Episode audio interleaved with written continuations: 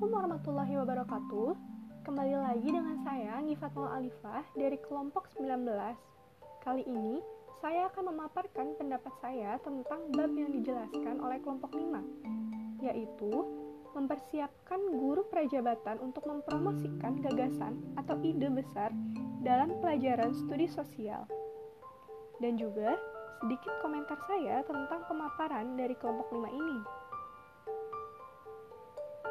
Seperti yang sudah dijelaskan, bab ini memiliki tujuan untuk memperkuat kemampuan guru prajabatan dalam merencanakan dan memperlakukan kurikulum IPS yang bermakna bagi siswa.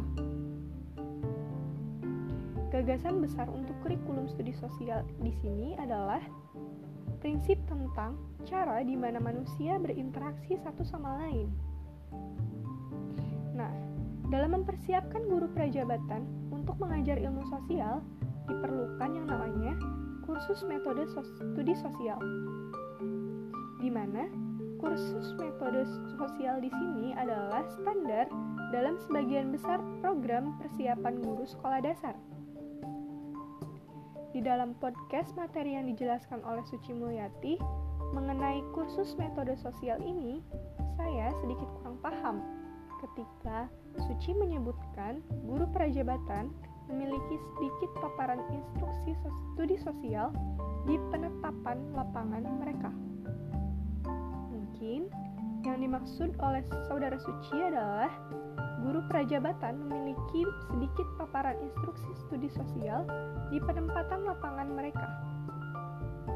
Sehingga kursus metode ini kadang-kadang ditambah dengan contoh aplikasi kelas terkait. Dalam memaparkan materi juga, Suci sering kali melakukan pengulangan kata yang bisa saja membuat para pendengar tidak nyaman. Baik, selanjutnya dijelaskan juga bahwa para guru prajabatan ini memiliki kemampuan yang berbeda untuk memberikan penjelasan terhadap ide-ide besar yang mereka saksikan dalam pengalaman lapangan mereka. Salah satu hambatan yang mungkin saja terjadi adalah ketika seorang guru mencoba menyelaraskan cara mengajar kita sendiri dengan apa yang sekolah inginkan.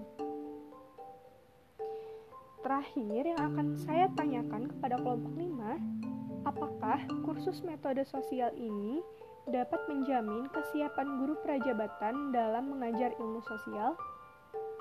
Sekian yang dapat saya sampaikan, kurang lebihnya mohon maaf. Wassalamualaikum warahmatullahi wabarakatuh.